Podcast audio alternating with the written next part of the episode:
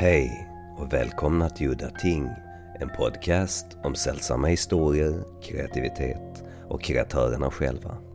Mitt namn är Henrik Möller, musiken var skapad av Testbild och loggan till podden är gjord av Malmökonstnären Nalle Chinsky. Det här avsnittet ska handla om författaren, musikern och konstnären Mare Kandre, född 1962 och död 2005. Skräckforskaren Mattias Fyr, som kände Marie Kandre privat, han skrev en bok om henne. Han hade berättat för mig om henne vid flertalet tillfällen för, ja, under en tioårsperiod. Men jag hade aldrig läst någonting. Och så plötsligt, på premiären av min egen debutroman Böden i Malmö den 14 april, skärtorsdagen, så fick jag av en internetbekant, Ib Seward, en bok av Kandre. Och han hade tejpat omslaget på den här pocketen med svart eltejp så bara namnet Marie Kandre syntes på omslaget och så hade han rivit ut försättsbladet så jag kunde alltså inte se titeln på boken. Och det här var ju såklart någonting jag gick igång på direkt, mystiken. Men det stannade ju inte där. För redan på första sidan så var jag fångad. Det här var riktigt, riktigt bra. Jag var chockad. Den börjar med att eh, huvudpersonen står på toppen av en pyramid mitt ute i en djungel och håller sin fackla mot himlen innan han beger sig ner i det totala mörkret in i pyramiden. Vissa vet kanske redan nu vilken bok det är och för de som inte vet ska jag inte säga någonting. Men eh, den här upplevelsen ledde till att jag ville prata med Mattias Fyr om Marikandre och han började med att läsa upp några stycken ur hennes böcker för att liksom jämföra hennes olika stilar från bok till bok. Det blir sommar. I solen är allting upptänt och hårt. Träden bolmar sötma, flugor. Jorden är tyst. Vinden flyttar buskarna, de täta bärsnåren.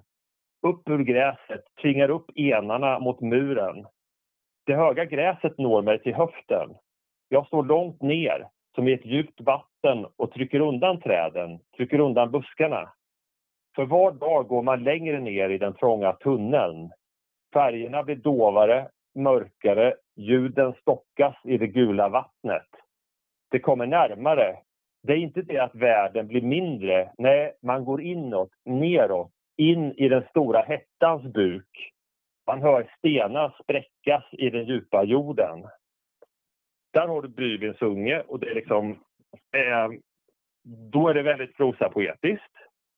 Eh, om vi tar Alida Lide så är hon mer ordrik och då kan det låta så här. Om Alida, den lilla åttaåriga huvudpersonen. Innan hon visste ordet av hade minnena och associationerna fört henne djupt ner i ett helvetiskt tillstånd av kyla och fullständig hopplöshet igen. Så lite senare, för hon visste inom sig hur det måste ha varit för flickan när hon dött och sedan styckats. I det kristalliska ögonblicket precis före döden hade skräcken plötsligt gett vika och det hade stått helt klart för henne att hon nu skulle dö. Det låg en skugga över världen igen och även över skuggan låg en skugga. Ja, flera skikt av skugga täckte nu världen. Så kan hon också skriva. Eh, då verkar det ju att det är det ena är väldigt poetiskt, det andra är lite mindre poetiskt på det sättet men ändå skugga av en skugga och så vidare. Hon gillar att använda bilder på det sättet. Och, ja, jag hoppas att det inte låter komplicerat när jag läser upp de här, för man måste komma in i språket. Ja, I Alide och Lide så kan det heta så här till exempel. Och det var en så förtätad, underlig och skrämmande stämning där de, där de nu befann sig. Det vill säga på stans botten, allra längst ner i dess sönderfallande delar där den i alla avseenden var som värst och äldst och där bara de egendomligaste, vilsnaste, mest utstötta existenserna hade sin hemvist nu. Så kan man skriva. Men sen kan de plötsligt i Alide komma med versaler. Det är så att den här lilla flickan då, det hon upplever är att världen är mycket mer hotande och skrämmande än vad hon liksom hade tänkt sig. Så att, eh, det är ju så att den här lilla flickan då, det är en oerhört mörk roman, Alida Alide då, men hon Ehm, ja, hon upplever hur liksom världen förändras och så ser hon det på ett nytt sätt. Och då kan hon plötsligt, Marre, då, skriva med versaler ett stycke som, blir, som, som nästan skriker för oss idag i nätet. Där det står så här. Hon ville helt enkelt i grund och botten inte finnas till. För fanns man till om så bara för en tusendels sekund och i ett barns, en liten flickas skepnad och hur försiktig man än var i sin existens, hur man än hukade sig, gjorde sig liten och spelade död, så var ju världen ändå ofrånkomligen en fruktansvärd plats där fruktansvärda ting hänt och hela tiden fortsatte att hända. Och så kommer de sen med vanlig text. Fruktansvärda ting som hon blev påmind om hela tiden. Till exempel när hon var på väg till kiosken för att köpa godis. Där på kvällstidningarnas löpsedlar kunde hon ofta läsa om ännu en flicka vars kropp hittats svårt skändad och styckad, bortslängd i något ödsligt beläget skogsparti vid en sjö på en kall och otillgänglig plats i världen. Där var en svartvit bild på flickan i fråga och hon skrattade, såg alldeles vanlig och alldaglig ut. Hade halvlångt hår uppsatt i tofsar, ögon, näsa och en öppen mun. Så det skulle lika gärna kunnat vara hon själv. Och det där, jag citerade det där i ett annat sammanhang nu för jag tyckte ändå att det där var typiskt för Varre för att de här sista orden om att hon såg en bild och flickan hade tofsar, ögon och en öppen mun. Alltså jag skrattade när jag läste för att för i svärtan så tror jag det är humor från hennes sida.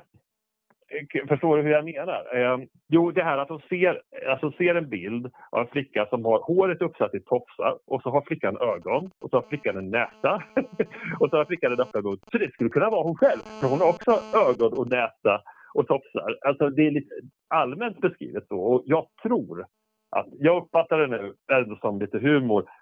Marre skrev i ett mejl till mig, så skrev hon så här, plötsligt eh, skrev hon så här eh, 27 september 2000.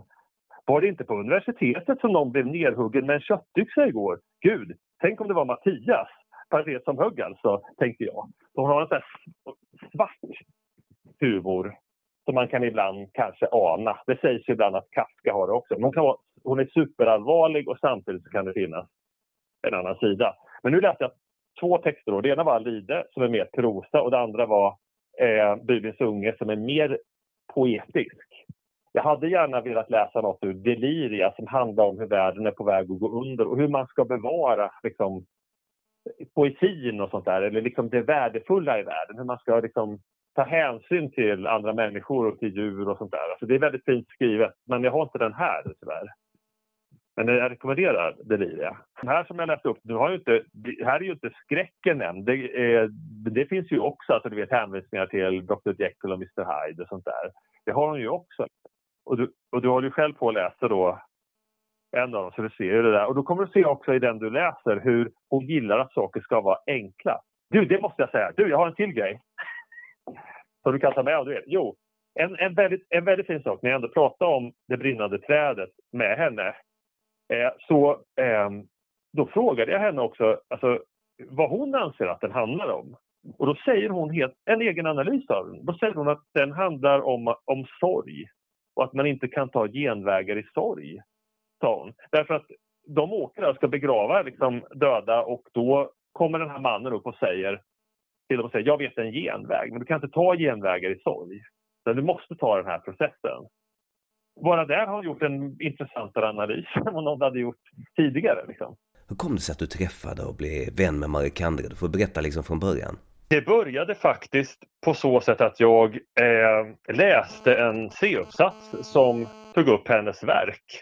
Eh, och eh, den tog inte alls upp något gotiskt eller något sånt utan den, den handlade om något helt annat. Men den hade vissa citat av henne.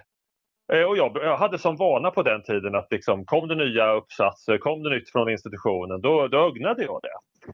Och då när jag öppnade den där uppsatsen så såg jag hennes citat. Då var ju hon en upphöjd författare och jag tänkte så här, ja men hon är väl en av alla så här, håsade författare som man ser överallt man ska läsa någon gång. Så, där. så det var mer en slump då. Och så tänkte jag, men fasen, det, det här är ju gotiskt. Och då kändes det som att, um, som ja, du vet, en, en slags upptäckarglädje. Jag tänkte att det fanns tecken i det som tydde att det var, på att det var gotiskt. Nu skulle jag läsa henne för att se om det stämde. Så då lånade jag hem ett antal böcker av henne och så läste dem och det var ju som att hitta en guldgruva tyckte jag. Jag tyckte det var otroligt bra. Eh, och samtidigt som jag blev förstås väldigt glad när jag höll på att skrev min avhandling om gotik att, att, eh, att, att jag såg att det var gotiskt. Så vad jag gjorde sen det var att jag, jag kontaktade henne det blev så att jag skulle på en konferens i Estland, i Tartu, på Tartu universitet och då kontaktade jag henne innan och sa att jag gärna skulle vilja göra en intervju med anledning av min forskning och den konferensen. Det, det är ju ändå rätt skönt när man vänder sig till någon och intervjuar. Liksom sådär. Man kan tala om vad det ska användas till och sådär. Ja, hur som helst, det var ganska konkret och det var lite roligt också att jag skulle till Estland i och med att hennes bakgrund där. Så då, då sågs vi och så, och så intervjuade jag henne och sen så åkte jag dit och så föreläste jag och då, då blev det ganska populärt där i Estland. De ville översätta det där föredraget. Och så då kunde jag meddela henne det och jag skickade också ett vykort från Tartu till henne. Och det var också det var lite roligt därför att på den tiden, det, folk eldade ju och sånt där så det liksom var en speciell doft när man var där och sådär. Jag vet inte, det kändes historiskt på något sätt. Och, eh, och där möttes vi nog på något sätt. Hon, eh, hon tyckte också att att, att intervjun jag hade gjort med henne, sa hon, var, då tyckte hon att det var, hon sa till mig att det var den bästa någon hade gjort med henne. Eh, och då kan jag tänka mig att det kan ha varit för att det var första gången någon tog upp det gotiska hos henne. Som ändå har funnits där eftersom hon har varit intresserad av så här du vet, eh, gamla stumfilmer och som Dr Jekyll och Mr Hyde. Och, och såna, det, det har funnits där hela tiden och inte minst en amerikansk tradition med Flannery O'Connor och sånt där. Så att liksom, så då fick hon prata om det. Då gjorde vi om intervjun som jag gjorde. Jag ställde tror jag, samma frågor och sen så utökade vi det där. Och så, och, så, och så ville hon att jag skulle försöka sälja intervjun till Dagens Nyheter. och då blev det en lång följetong. Där jag, så här, av någon anledning så kanske jag själv inte trodde att de skulle eh, trycka den. Och, vilket berodde på att det här med det gotiska var så nytt. Alltså hon var en hyllad författare. Hon hade redan fanns redan en bild av henne och det gotiska var inte den bilden. Och då tänkte jag att då är det här nog för, blir det här nog för konstigt eh, när det bara kommer någon så här nobody som har intervjuat henne. Och, och så det, det, blev en lång följetong där det liksom aldrig blev någonting och bara det blev mer och mer irriterad. Till slut så sa hon, vad håller idioterna på DN på med? Så här, var irriterad liksom. Och, ja, så så var det. Men jag kunde ju använda sen intervjun i i min avhandling och, eh, och senare i en bok jag skrev om det. Men jag valde, jag valde att lägga fokus på deliria. Det var den jag höll föredraget om. Den, eh, för den handlar om, jag vet inte varför den egentligen passade så bra, men det är nog för att hon i Deliria skriver om skrivandet och hur, hur man kan se på skrivandet. Ska en berättelse till exempel planeras eller ska den växa fram, som hon säger, som en gotisk kristall? Men det är intressant. Pratade ni någonting mer om själva den skapande processen i skrivandet? Hon var så alltså, rak. Hon, bara talade, hon, hon talade om hur hon arbetade. Alltså, försökte inte ha några sådana här... Alltså, hon kunde berätta till exempel det här. Eh, hon sa så här att när hon skrev Det brinnande trädet, eh, en roman, då, den kom ju 1988, då, då visste hon inte... Det enda hon hade skrivit det var att det handlar om en familj som färdas med häst och vagn genom ett vintrigt landskap av typen amerikanskt landskap för att begrava eh, ett par döda söner som de har på flaket. Och eh, hon visste inte vad som skulle hända. Då gick hon på bio. Och den bi film som råkade gå just då, det var Poltergeist 2. Vilket ju är, vilket ju är en riktig B-film egentligen. Alltså, ja, det är klart det är ju en B-film. Men grejen är att det finns ju en karaktär i den filmen som gör den bra. Vem tänker du på då? Ja, det är ju den här prästen ju, ondskan. Ja, självklart. Det är precis det. Ja, jag menar det. Så, och då tittar hon på den och då tänkte hon, den ska jag ha. Så då dyker upp en svartklädd predikantliknande figur i hennes eh, roman. Och då har hon alltså bara berättat, därifrån fick hon den. Och på så sätt var det jättespännande att prata med henne. I hennes första bok, I ett annat land, det är ju två systrar. Men egentligen är det baserat på henne själv och hennes bror. Bara det att hon ändrade om då, så brorsan fick bli en syster. Så hon kan ta sitt eget liv och så ändrar hon det. Men hon kan lika gärna ta sånt som andra har varit med om som hon berättar om. Och hon kan hämta inspiration från klassiska fina verk, om vi säger som Samuel Pepys eller Flannery O'Connor som jag nämnde, eller Sylvia Plath eller vad det kan vara. Hon kan också hämta inspiration från kvällstidningarna. Hon läste Expressen liksom, mer eller mindre varje dag och sa att alla ser ner på mig för att jag läser kvällstidningar, som hon sa till mig. Hon, hon sög i sig överallt ifrån och sen så kunde hon använda sig av det. Så det var väldigt, eh, alltså hon var ju som ett, eh, som författare då kan vara, som ett kraftverk, alltså på ett sånt sätt att jag jag skulle skriva min avhandling då. Så jag liksom var tvungen att säga, ja, nu, nu ska jag jobba med, med, med min avhandling här. Så att, eh, för att hon, hon var ju så... Ja, men det var, ja, så väldigt inne i sina projekt som man pratade med henne och, sen, eh, och då delade vi intressen och sånt där. Så ja, hon var helt enkelt fantastiskt rolig att prata med. Och, alltså, en annan sak som hon sa som kanske intresserade dig då, det är att eh, jag frågade henne om det gotiska och hon ville att det skulle vara konkret och det där hon sa då, det påminner ju om Lovecraft. Eh, hon sa så här att man måste vara så otroligt verklig i det runt omkring när man beskriver det här bizarra, som hon sa.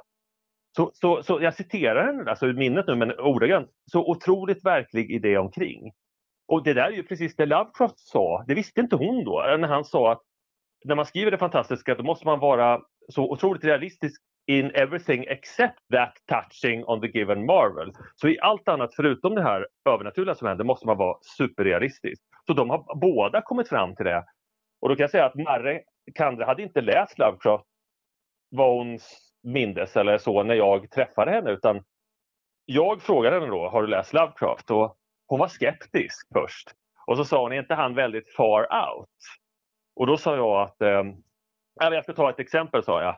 Om du tar The Outsider så, så handlar det om en, en man som har levt i en mystisk slott eh, hela sitt liv eh, och sen så tar han sig upp i högsta tornrummet för att få veta lite mer om omgivningarna. Och när han kommer upp i tornrummet så visar det sig att han kommer upp i markplan på en kyrkogård. Då blir hon helt tyst och så sa hon, sånt där älskar jag, för det är enkelt, sa hon då. Och det är sånt hon gillar, sådana här enkla. Inte att det är far out, utan att det är konkret. Om jag går tillbaka till mig själv så är det liksom som att det som åker in genom ena örat kommer ut förvandlat till någonting annat på andra sidan. Och det är en undermedveten process, det är inget planerat. Och jag tror att den här skapande processen är någonting som är skillnaden mellan mig och en journalist som återger en historia ordagrant. Och det är ju kanske en talang i skrivandet, eh, men ett handikapp i den verkliga världen där allting handlar om ordning och reda och återge saker precis. Det här kaotiska som eh, är användbart i konsten och bara där och ingen annanstans. Vissa kanske avundas det liksom, men i verkligheten är det ju faktiskt det som efterfrågas är någon som har en hjärna lite som en maskin som kan bli som en revisor eller en programmerare som bara tänker matematiskt effektivt. Och jag kan känna en sorg över det liksom, att man blir liksom oattraktiv och handikappad i arbetslivet, alltså ute på arbetsmarknaden genom det. Nu, eh, ja, nu kanske jag flummade ur lite grann här. Ja, ja, jag känner, för det första, jag känner helt igen, tror jag nog, i dig då, för att jag, jag, jag nämnde just det för några studenter att min Lovecraft-bok, den skrev jag lite med en polare, lite för en polare utan att han ens vet om det. Så han vet inte ens om det. Jag var inspirerad av Montague Summers The Gothic Quest. Men bara inspirerad på så sätt att jag ville att den skulle vara tät. Så det finns, liksom, det finns egentligen inga, inga likheter. Men det du säger om att det här att det kommer ut något annat, det påminner mig också om vad Marre sa. För jag frågade henne om det fanns någon upptäcktslusta eller om det fanns någon, liksom, någon lust i skrivandet. Hon var, kunde vara rätt krass och sådär också. Men då sa hon att lusten var att upptäcka. För då sa hon det att när hon skrev saker så, så, så kunde hon liksom få upplevelsen av att det visste jag inte att jag visste. Det där är hennes ordagranna ord. Det där visste jag inte att jag, det visste jag inte att jag visste. Så hon upptäckte saker via sitt eget skrivande. Nu när vi pratar om struktur och dramaturgi och konstruktion av story och sånt här så Eh, finns det någonting att säga om det där tycker jag. Det är att eh, mina egna favoritböcker, det är ju oftast inte de här välkonstruerade thrillers och eh, Stephen King-böcker och sånt där. Utan det är ju oftast trasiga mästerverk så att säga. Alltså böcker som eh, är lite skeva. Så att, eh, och där man där de inte är perfekta men att det finns tillräckligt många bra scener och tillräckligt många bra grejer i det för att man ska, eller för att jag ska räkna det som ett mästerverk. Och det är de böckerna som står i min bokhylla som är liksom mina favoriter som jag eh, återvänder till igen och igen. Det skulle kanske Marre tyckte också därför att eh, jag frågade henne vilken som var hennes favoritbok av dem hon hade skrivit. Och då sa hon att det var Det brinnande trädet. Men så la hon till att det är, det är inte den bok hon tycker blev bäst. Men det är den bok hon gillar bäst av sina egna. Tyvärr frågar jag henne inte mer om det, men... Kan det ha varit så att hon blev inspirerad av din intervju?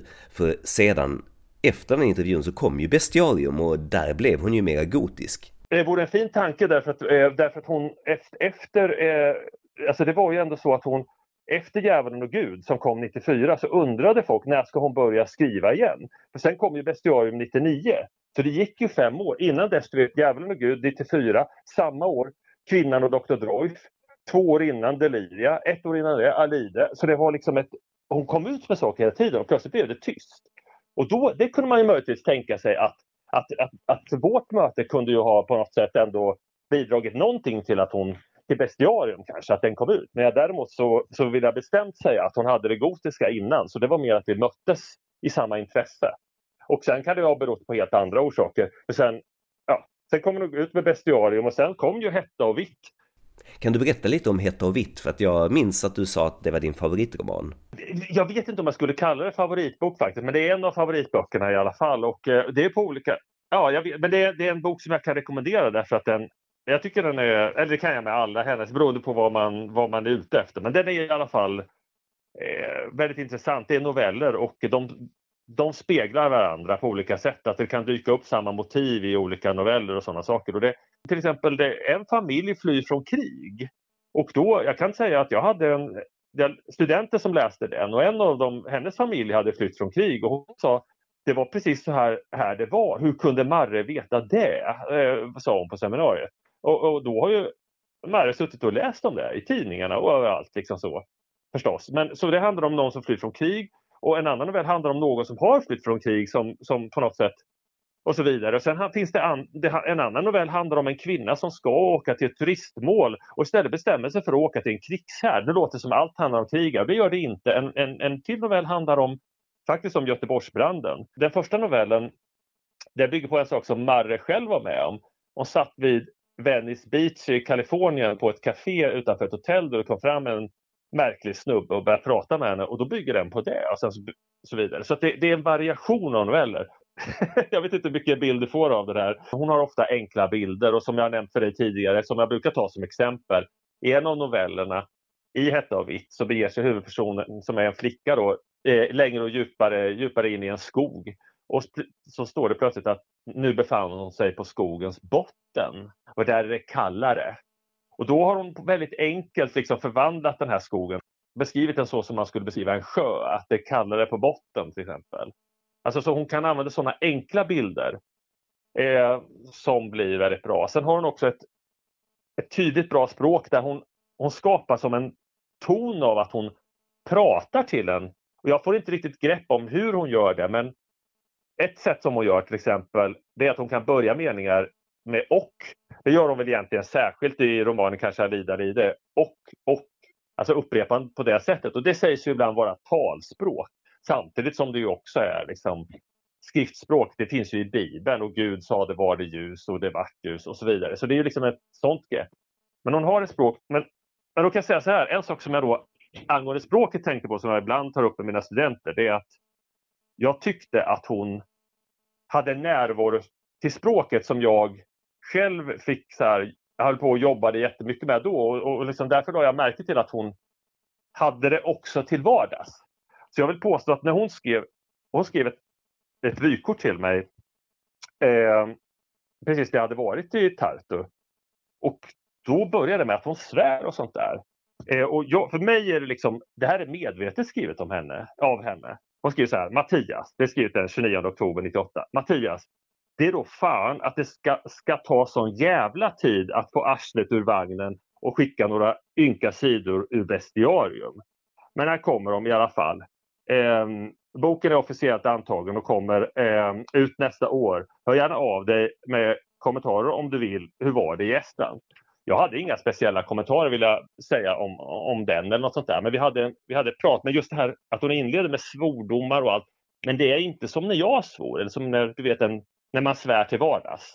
Kastar ur sig jävlar eller vad det är. Utan det här är ju kalkylerade svordomar i ett vykort. Det är fan att det skall ta sån jävla understruket tid att få, så det fanns en väldigt koncentration hos henne. Till och med när hon, och det, det var för något sätt väldigt eh, positivt för mig. Så var det i hennes mejl och sånt också.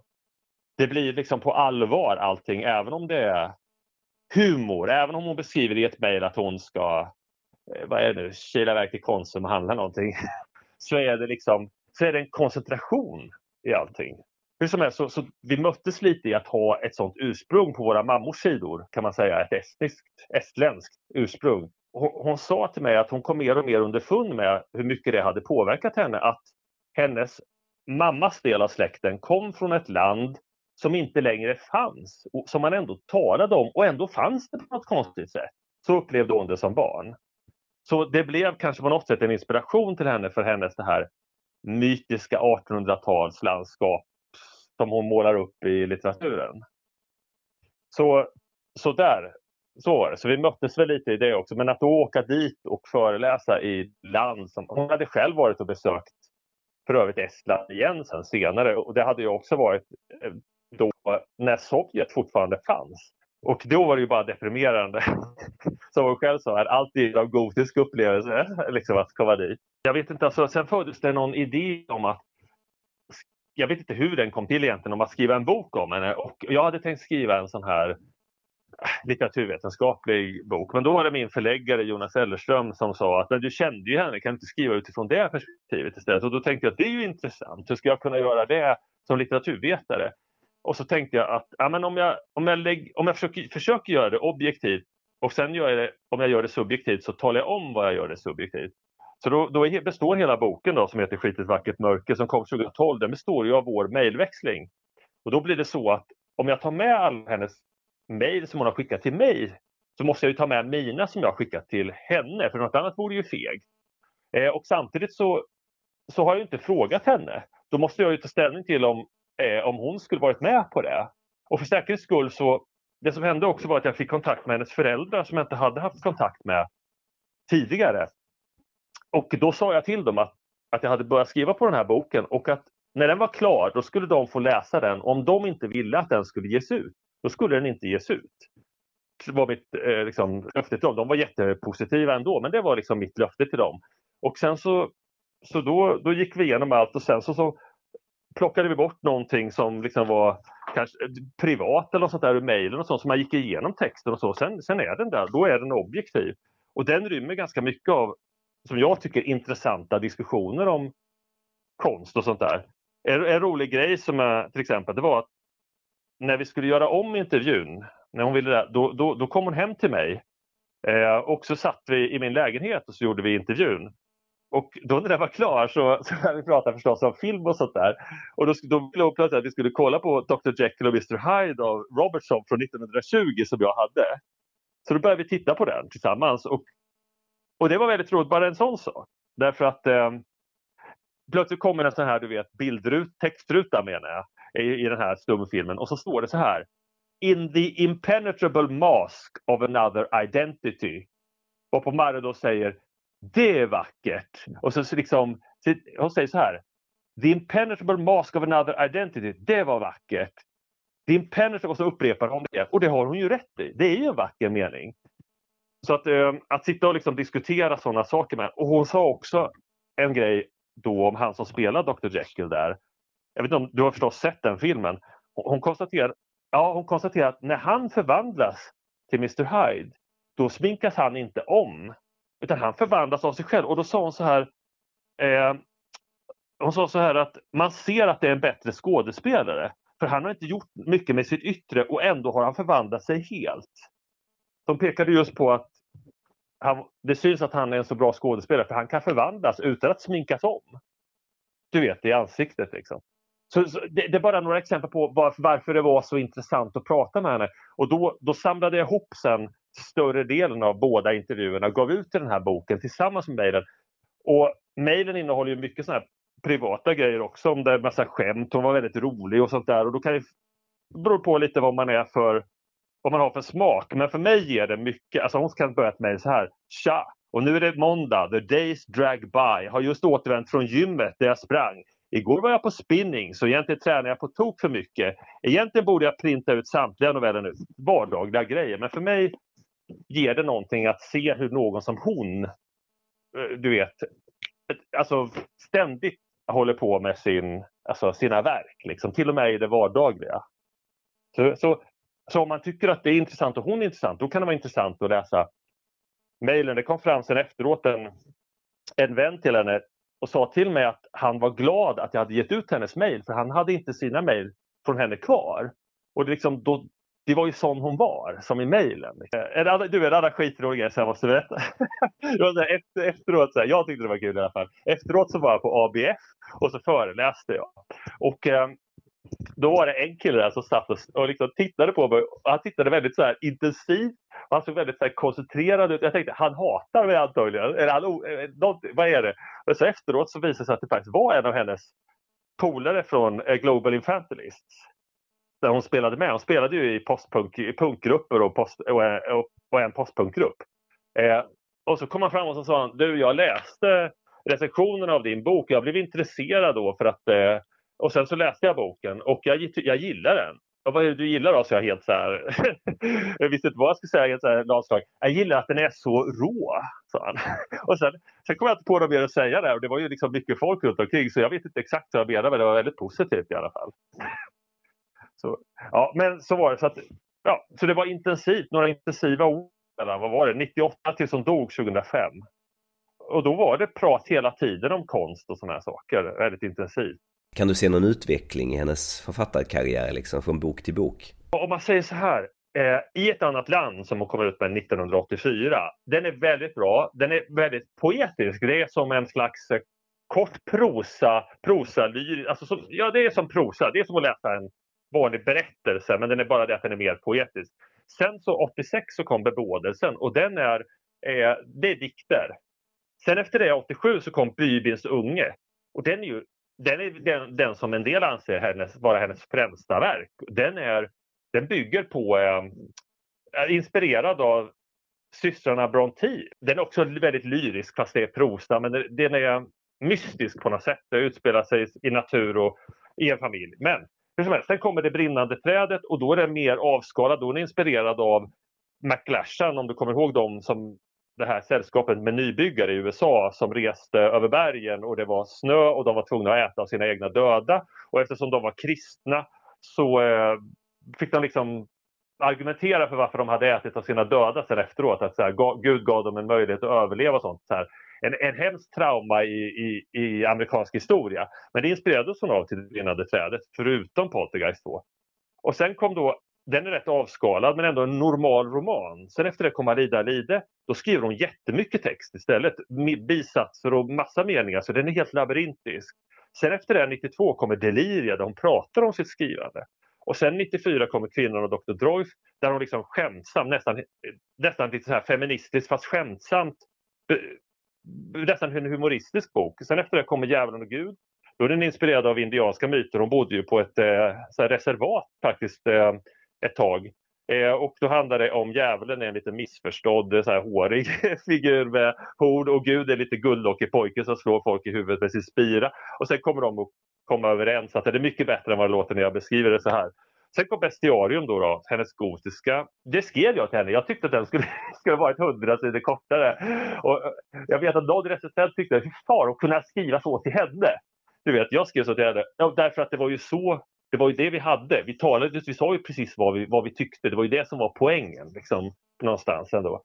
Eh, och sen så kom eh, Hetta och vitt och då var det ju noveller. Och det hade hon inte gjort tidigare och de speglade varandra. Det är någonting med dem alltså, du vet liksom. Det handlar om möten mellan folk på olika sätt och om ensamma existenser eh, och sånt där. Den gillar jag jättemycket. Och sen kom Xavier som jag var kanske lite mindre förtjust i. 2002 kom den det är en kille som öppnar dörrar till ett hus för att på något sätt leta efter sitt förflutna. Sen, så det, det, har varierat hela tiden och jag tycker att hon har varit ett geni hela tiden och varierat sig. Och på slutet höll hon på att jobba med en bok som sen trycktes i eh, 00-tal. Den blev inte tryckt hela, bara ett utdrag. Och det tror jag hade varit ett totalt mästerverk. Alltså om man går och läser, den heter Den underjordiske brudgummen, om man går och läser de utdragen ur 00-tal så ser man hur otroligt bra de är. Så det, det, det, var alltså så här som man bara, nej att hon inte hann skriva den. Vad var det du gillade i de här styckena från sista boken som du läste? Språket och bilderna, språket och bilderna, det var det jag tyckte för att det, det, var någonting var, nu var det några år sedan jag läste den, men det var tio år sedan kanske. Men det var liksom kombinationen av bildspråket och, och sånt. Det var liksom, och det var ja det låter ju löjligt, men det var färgerna i den och allting. Det, det var något annat. Men, men, det måste jag ändå säga att jag tycker att hon hela tiden har utvecklats och varierat sig. Hon har aldrig skrivit samma bok. Utan hon har alltid på något sätt, det är alltid hon, men det är alltid olika. Så som jag beskrev det nu, det kanske framgår att det är alltid olika böcker.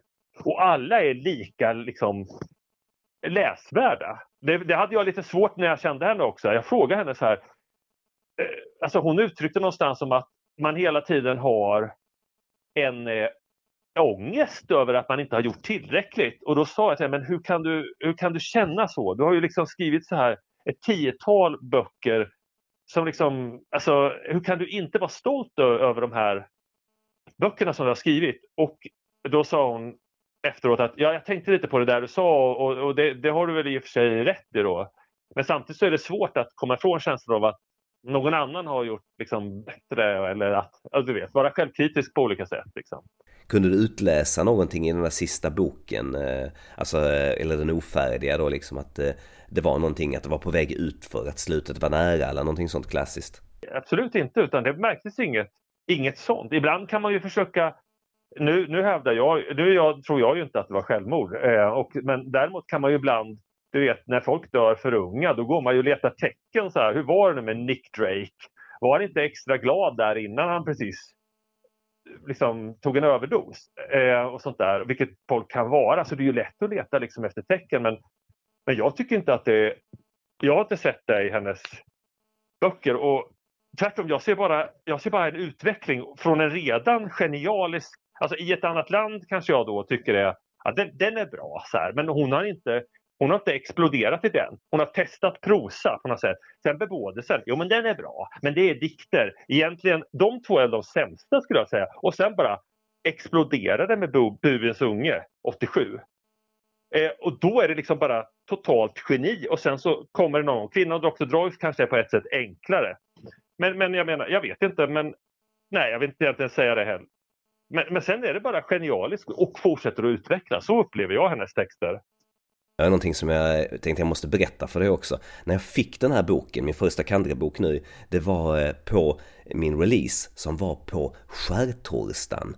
Och Marie Kandre dog ju faktiskt på skärtorsdagen 2005. Så att eh, det, var, det var lite roligt och det kan jag absolut inte tänka mig att Ib hade tänkt på. Liksom, han var ju inte insatt i Kandra, det var ju hans första bok också liksom. Så det var en sån här spännande tillfällighet. Och du, nu, nu berättar du det för mig. Och alltså grejen är så här att, vilket också blir Alltså förstår du? Nästan som ett tecken till mig på sätt och vis. Alltså jag, skulle jag kunna uppleva det så? Förstår du att du säger det? Vet du, jag vet inte, du har inte, jag har ju skrivit min bok om henne. Där ville jag också ta med helt, en helt sann grej på slutet i lite romantisk anda.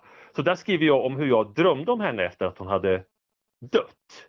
Eh, eh och då, då var det nämligen så här att, jag ska kolla här, jag hade tre, tre jag ska beskriva det här, jag hade tre, tre eh, drömmar. Eh, och det ena var då, jag ska se här, jag ska kolla, var det två eller tre? Jag har beskrivit i alla fall. Det var så här att hon, jag drömde att hon plötsligt befann jag mig i någon slags ladugårdsliknande byggnad och sen så kom jag in och så var hon där och så blev jag helt chockad och tänkte jag, jag trodde trodde att du var död, säger jag och, liksom, och tar hennes hand och då säger hon, där skrämde jag dig, eller hur? Och sen i, i nästa, eh, novell, eh, nästa dröm menar jag, så drömde jag att hon var med en väninna i, i, eh, i Göteborg och det kan jag säga att när, jag, när hennes, en medlem i hennes familj läste det så sa de att alltså det, hon hade en sån väninna, jag visste inte om det. Alltså, eh, så det stämde alltså på något sätt med hennes verklighet om man säger. Så som de visste. Jag hade inte ens berättat det för dem utan det stod ju i boken. Och sen i den tredje drömmen då visar hon upp att nu har hon börjat skriva igen. Och då visar hon upp en bok med en världskarta på omslaget. Och så var det konstiga kryss på världskartan och då pekade jag på ett av kryssen och frågade vad är det där? Och då sa hon Lima. Sa hon då. Och sen bröt strömmen. Och sen efteråt insåg jag att jag hade ju råkat peka då över Sydamerika och där ligger ju en stad som heter Lima. Men plötsligt så började det där ordet Lima, så som det kan göra av naturliga orsaker, men dyka upp på märkliga, märkliga ställen efter det. Och då kan jag säga så här, en rolig grej med det där, alltså om vi nu ska köra på den här romantiska ådran, det är att utan att, jag tror det var kanske samtidigt som min bok kom ut, eller, eh, alltså på något sätt så hade Karina Rydberg, som jag inte alls känner, men som ju var nära vän med Marre, hade, berättade i en intervju att hon hade en dröm med Marre, där Marre visade upp ett konstverk. Marre målade ju också. Hon visade då upp ett konstverk som hon hade målat och då var det någon form av streck på konstverket och så pekade hon bakom strecken, alltså som att det fanns någonting in, ja, bort, hon pekade bortom konstverket för Karina Rydberg i drömmen. Jag tyckte bara det var så lustigt att jag tror, alltså Rydberg kan inte ha läst, min bok kanske inte hade kunnat komma ut. Alltså det var någonting som gjorde att jag tänkte hon, hon kan inte ens ha läst det där. Och ändå har vi haft båda drömmar av så här att Barre dyker upp efter döden i drömmen och talar om att fan jag fortsätter som vanligt. Liksom. Och så kommer du och säger det här nu som en ren slump. Ja, och med de orden så var det slut för den här gången. Mitt namn var Henrik Möller. Musiken var skapad av Testbild. Hej då.